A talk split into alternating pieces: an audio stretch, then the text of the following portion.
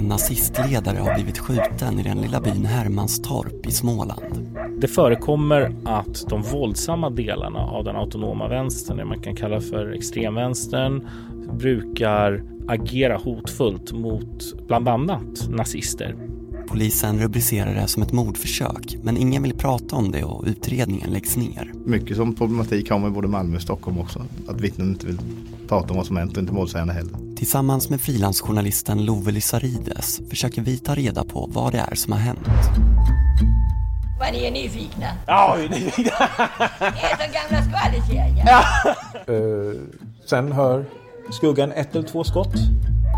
När vi söker fler svar hamnar vi oss snart i djupet av de småländska skogarna. Spelar du in fortfarande? Uh, ja. Det vore ganska bra om vi kom överens om vad som... Jag tänker inte få en, en granat i huset. Är det det som är risken? Ja, inte vet jag.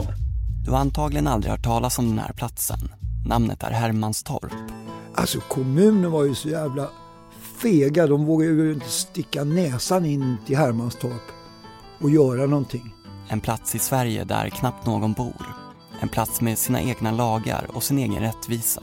Och det ska visa sig att ju längre in i skogarna vi kommer, desto märkligare kommer den här historien att bli. Kan du sätta på bandspelaren? Hon är arg som fan. Här fan.